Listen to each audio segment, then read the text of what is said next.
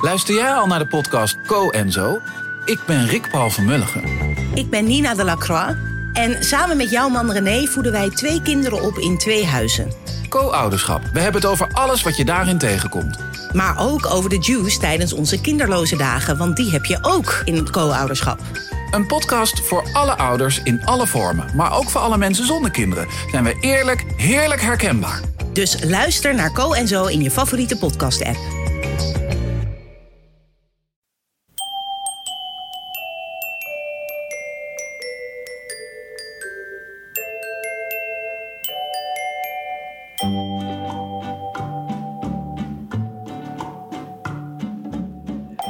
Welkom bij aflevering 49 van de Echt Gebeurd podcast, waar echt gebeurde verhalen worden verteld door de mensen die het zelf hebben meegemaakt. In deze podcast een verhaal van Maarten Westerveen, opgenomen tijdens het Lowlands Festival. Dus als je soms het dreunen van de muziek op de achtergrond hoort, dan weet je waardoor dat komt.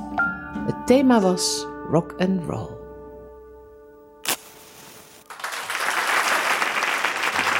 Um, ik, um, ik heb slechts één keer een echte aanraking met rock and roll gehad. Want ik ben er bijzonder slecht voor geschikt. Uh, ik, um, mij, toen mijn moeder ooit een keertje mij probeerde uit te leggen hoe seks werkte, heb ik er halverwege afgekapt en zei: hou maar op. Dat is nog erger dan ik dacht. En mijn, mijn drugsgebruik is minimaal tot niet. Mijn vrienden raakten daar zo gefrustreerd van dat ze me op een gegeven moment maar zelf hebben gedrogeerd. Om te kijken wat er dan zou gebeuren.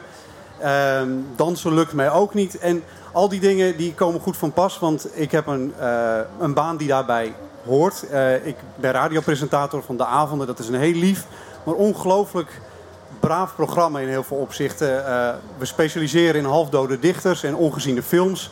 En daar gebeurt niet zo heel erg veel. Dus daar voel ik me heel erg in thuis.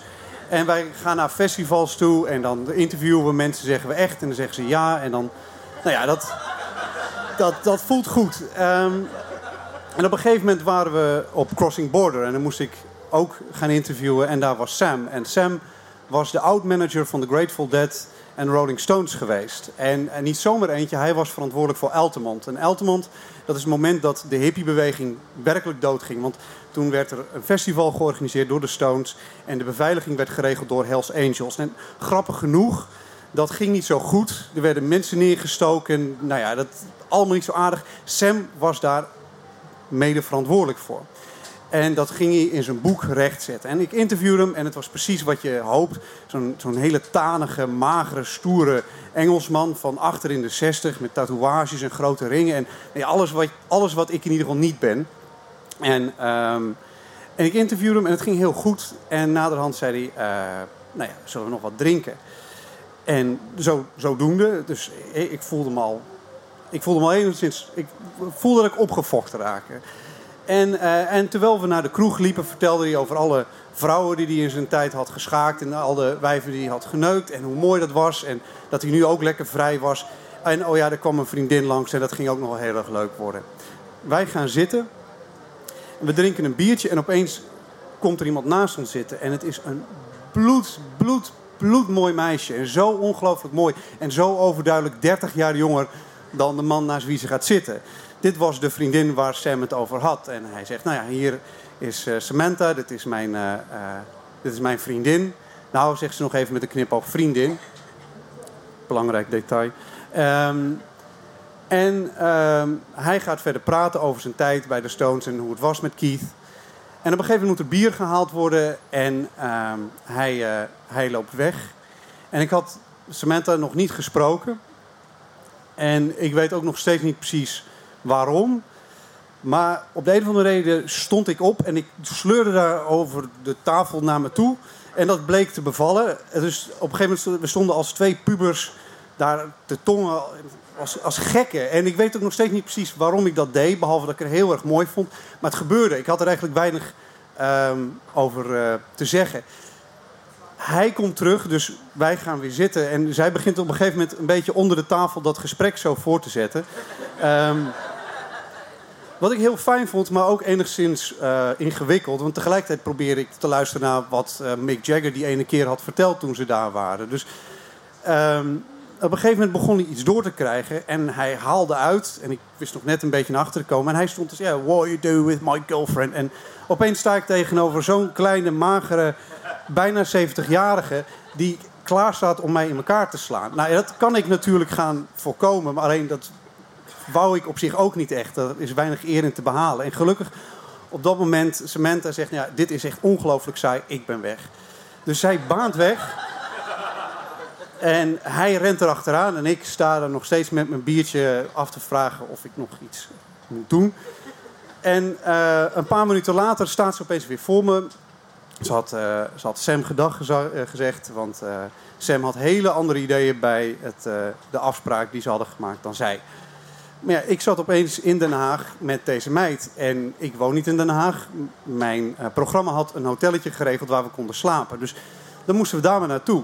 Alleen ik deelde die kamer met mijn uh, bijzonder lieve, aardige, brave, getrouwde uh, collega. Die een kleine halve meter van mij afsliep.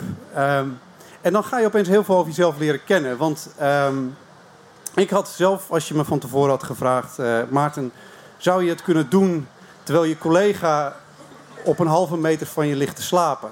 Nou, had ik altijd gezegd: ga weg, je bent gek.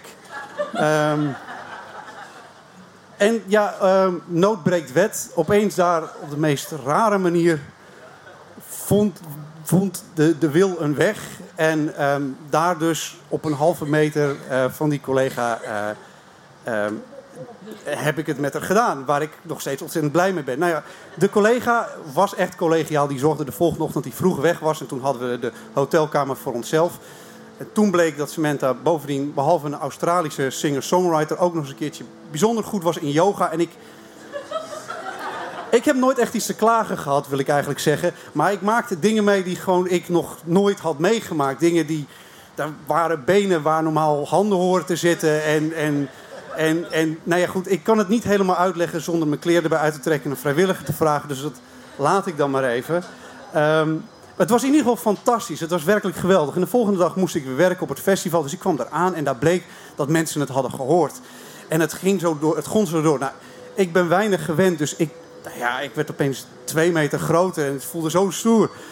En op een gegeven moment aan het eind van de dag uh, bereikte ons een uh, bericht dat Sam boos, woedend op een soort drank- en drugsorgie was gegaan en um, een, uh, een hartaanval had gehad.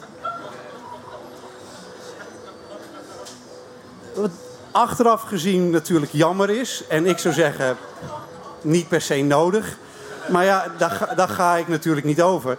Um, maar goed, uh, dat dempte de lol enigszins. Ik heb hem nog een paar keer gezien. En op een gegeven moment kwamen uh, de verzoeken... Want, um, of ik iets wou schrijven voor het album waar ze aan het werken was. Want toen kwam de aap voor mij ook een beetje uit de mouw. Zij had het in haar hoofd dat ik een soort Matthijs van Nieuwkerk-achtige persoonlijkheid in het medialandschap was. In plaats van een bijzonder obscure radiopresentator van een programma dat als mijn moeder niet, leest, uh, niet luistert, de luistercijfers gewoon halveren. Dus toen ik dat goed en wel had uitgelegd, uh, droogde die berichten op. En uh, zo ook mijn contact met de rock and roll. helaas. Dankjewel.